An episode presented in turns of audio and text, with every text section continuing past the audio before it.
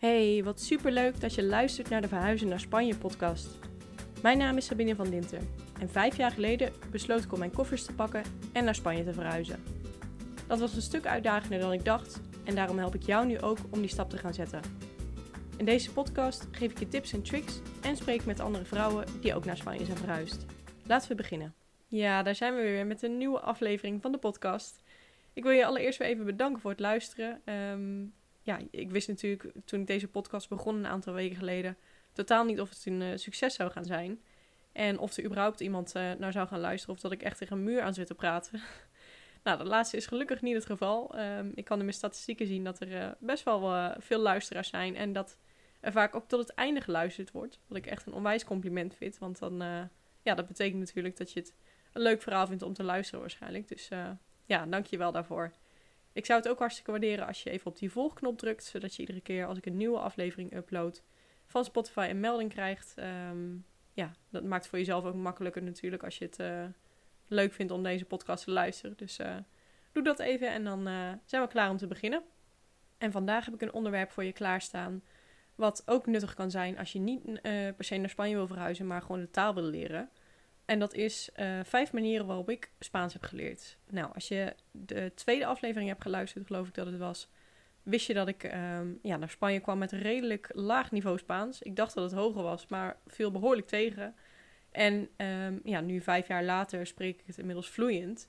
En ik weet dat hier best wel uh, veel vraag naar is. Van ja, hoe leer je nou het snelst een taal en uh, hoe zorg je ervoor dat je er echt vloeiend in wordt. En daarom wil ik deze manieren vandaag met je gaan delen. Om ja, mijn ervaring daarin te delen en uh, om wat tips te geven hoe jij ook um, Spaans vloeiend kunt leren spreken.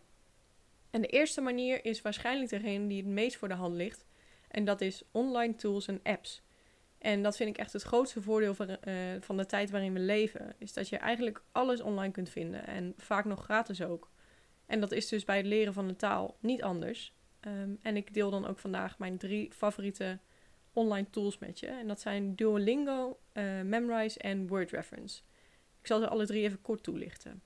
Nou, Duolingo is denk ik een van de meest bekende uh, websites om een taal te leren. Um, er zitten zeker wat, wat nadelen aan. Zo vind ik dat bij Duolingo. Um, ja, je leert al snel wat, wat zinnen, um, wat basics zeg maar. Maar qua grammatica vind ik het toch nog best wel uh, tegenvallen.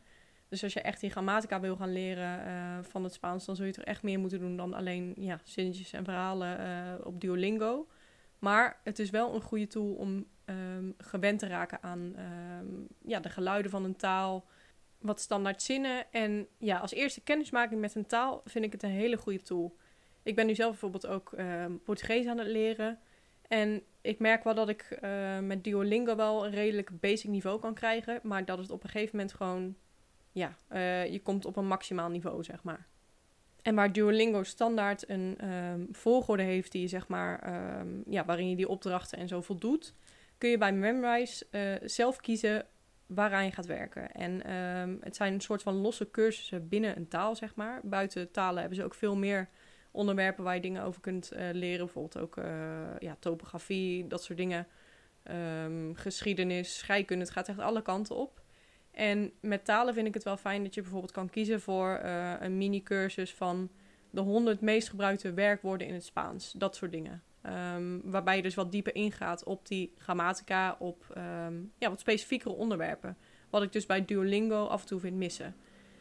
En zowel Duolingo als Memrise zijn gratis tools. Uh, bij Duolingo wordt er steeds meer gepusht om die uh, betaalde versie aan te schaffen, waar je dus wat meer voordelen hebt. Uh, bij Memrise vind ik dat minder het geval. Er wordt ook wel natuurlijk, ja, uh, je wordt wel verleid om de betaalde versie, zeg maar, uh, te proberen. Maar ik vind dat daar nog best wel veel gratis ook wordt gegeven. Dus bijvoorbeeld ook um, woorden die je vaak fout hebt gedaan of zo. Dat soort dingen zijn bij Memrise makkelijker te vinden dan bij Duolingo op dit moment. En als laatste online tool kan ik je WordReference aanraden. En dat is niet echt een website waar je um, woorden kunnen leren of uh, oefeningen kunnen doen of zo. Maar het is wel, het heeft meerdere functies. Uh, allereerst is het een woordenboek. Um, dus ja, waar je gewoon een vertaling kunt vinden, zeg maar, voor een Spaans woord vanuit het Engels. Um, waarbij er dus ook wat meer context staat. Uh, dus als je wil weten hoe je een bepaald woord in een zin kunt gebruiken, dan, dan staat dat er vaak ook onder. Ehm, er staat ook het verschil trouwens tussen eh, bijvoorbeeld Spanje en Latijns-Amerika, wat ook wel goed is. Want ja, op Duolingo bijvoorbeeld heb je vaak ehm, uitdrukkingen die dan bijvoorbeeld in Mexico worden gebruikt of zo, maar niet in Spanje. Dus dat is ook wel iets waar je rekening uh, mee moet houden. Maar het grootste voordeel van Word Reference vind ik dat er een um, verb conjugator bij zit voor Spaanse werkwoorden. Wat dus wil zeggen dat jij in het Spaans een werkwoord invult. Um, nou, doe even een voorbeeld. Hablar, wat dus praten betekent, of spreken. En dan krijg je alle vervoegingen in het Spaans, zeg maar, op een rijtje. Dus dan uh, staat er bijvoorbeeld van um, ik praat, wij praten, uh, zij praten. Wij hebben gepraat, uh, we zullen praten. Weet je wel, alle vervoegingen van een werkwoord worden daar op een rijtje gezet. Wat echt een supergoed overzicht geeft. En zeker voor de um, onregelmatige werkwoorden is het iets dat ik echt heel vaak heb gebruikt. Want het, ja, het is gewoon een hele um, fijne manier om, om zo die werkwoorden te leren, zeg maar. Zeker met die onregelmatige werkwoorden is het gewoon belangrijk dat je ze goed leert. En dan is het fijn om alles overzichtelijk op een rijtje te hebben staan. En de tweede manier waarop ik vloeiend Spaans heb leren spreken is door veel te luisteren. En dan heb ik het vooral over uh, podcasts en muziek. In het begin uh, ging het vooral met muziek. Dan uh, zocht ik gewoon ja, de top 50 van Spanje op. En dan um, zocht ik bij een bepaald liedje wat ik leuk vond, zocht ik de songteksten op. En dan ga je dus um, ja, die songtekst bekijken van, joh, welke woorden snap ik? Um, de rest vertaal je dan. En dat is gewoon een goede manier om ja, bepaalde woorden te leren die veel in het dagelijks taalgebruik zeg maar, worden gebruikt.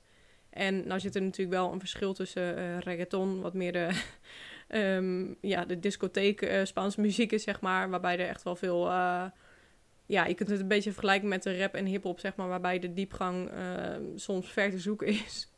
Maar um, ja, bijvoorbeeld Pablo Alboran is een hele bekende Spaanse zanger... die echt wel goede songteksten heeft om te leren. Hij zingt het ook best wel langzaam. Um, dus ja, dat is gewoon een goede manier om gewend te raken aan het Spaanse geluid... En podcast natuurlijk ook. Um, zo heeft Duolingo een Spaanse podcast, maar kun je ook gewoon op Spotify uh, podcast vinden van bijvoorbeeld Spaanse nieuwsitems of uh, kinderverhaaltjes. Je kunt het zo gek niet bedenken, maar luister er gewoon naar. Je kunt dit makkelijk um, ja, in de auto opzetten of als je in de trein onderweg bent naar werk of wat dan ook. En het voordeel van podcasts is natuurlijk gewoon dat je het overal kunt luisteren. Je kunt uh, het doen terwijl je iets anders aan het doen bent, als je schoon aan het maken bent of wat dan ook het is gewoon een goede manier om onbewust bezig te zijn met de taal. Dus um, ja, waar je dus met die online uh, tools zoals Duolingo en Memrise echt actief um, aan het leren bent.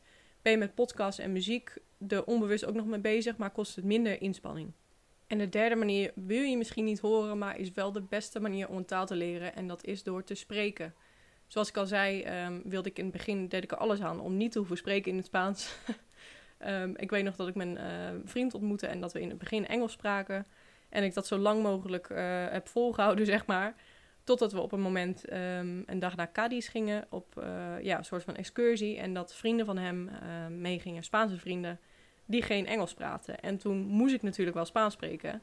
En vanaf die dag hebben we nooit meer gewisseld eigenlijk. En ja, ik merkte gewoon dat mijn niveau op dat moment zo omhoog ging want ja, je gaat 10.000 uh, fouten maken. Je gaat je verspreken. En mensen lachen je misschien uit.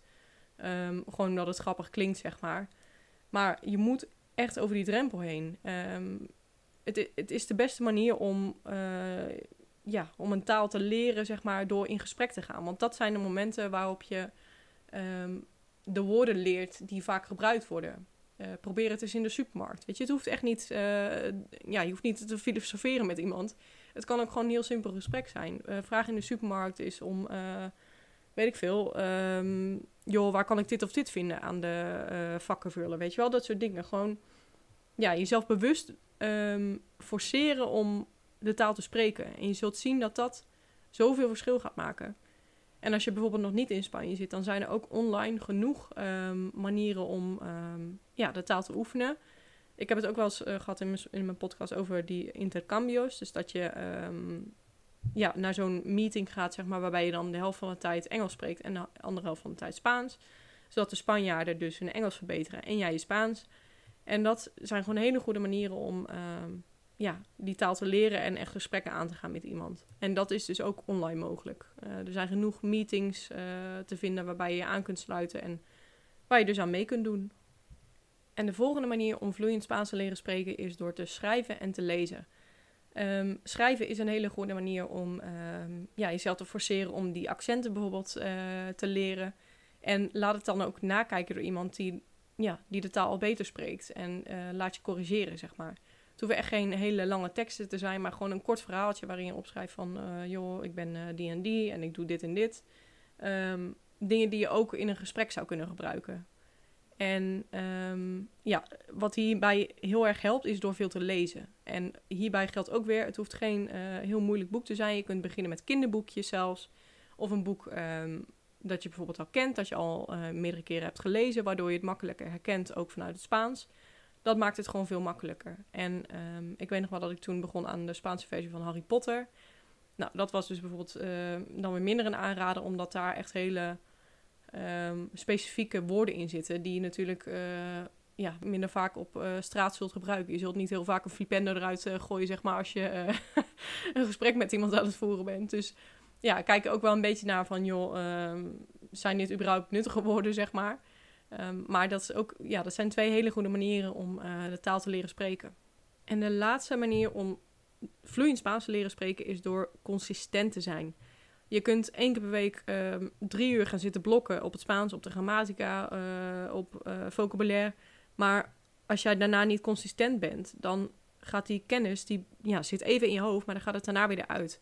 Het is veel beter om iedere dag even 10, 15 minuten um, aan de taal te zitten. Maakt niet uit of je dan dus luistert, leest, spreekt, wat dan ook. Maar ben er gewoon iedere dag even mee bezig.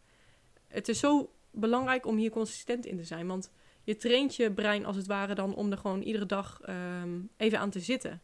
En het wordt ook veel makkelijker om um, ja, jezelf als het ware ertoe te zetten, zeg maar. Als jij iedere keer uh, weet van, oké, okay, het in het weekend moet ik er twee uur aan gaan zitten uh, studeren, zeg maar. Dan wordt die drempel natuurlijk veel groter dan dat jij zegt, joh, ik doe iedere ochtend even een uh, oefening op Duolingo. Dan ja, ben je er toch even mee bezig, maar blijft het heel laagdrempelig. En dan heb ik als laatste nog twee tips voor je die je ook kunnen helpen. Um, allereerst, leer dingen per onderwerp. Dus als je bijvoorbeeld woorden aan het leren bent, dan helpt het om die in categorieën te zetten. Dus um, dat je zegt van, joh, um, nu ga ik dieren leren. Of uh, nu ga ik uh, dingen in de keuken leren.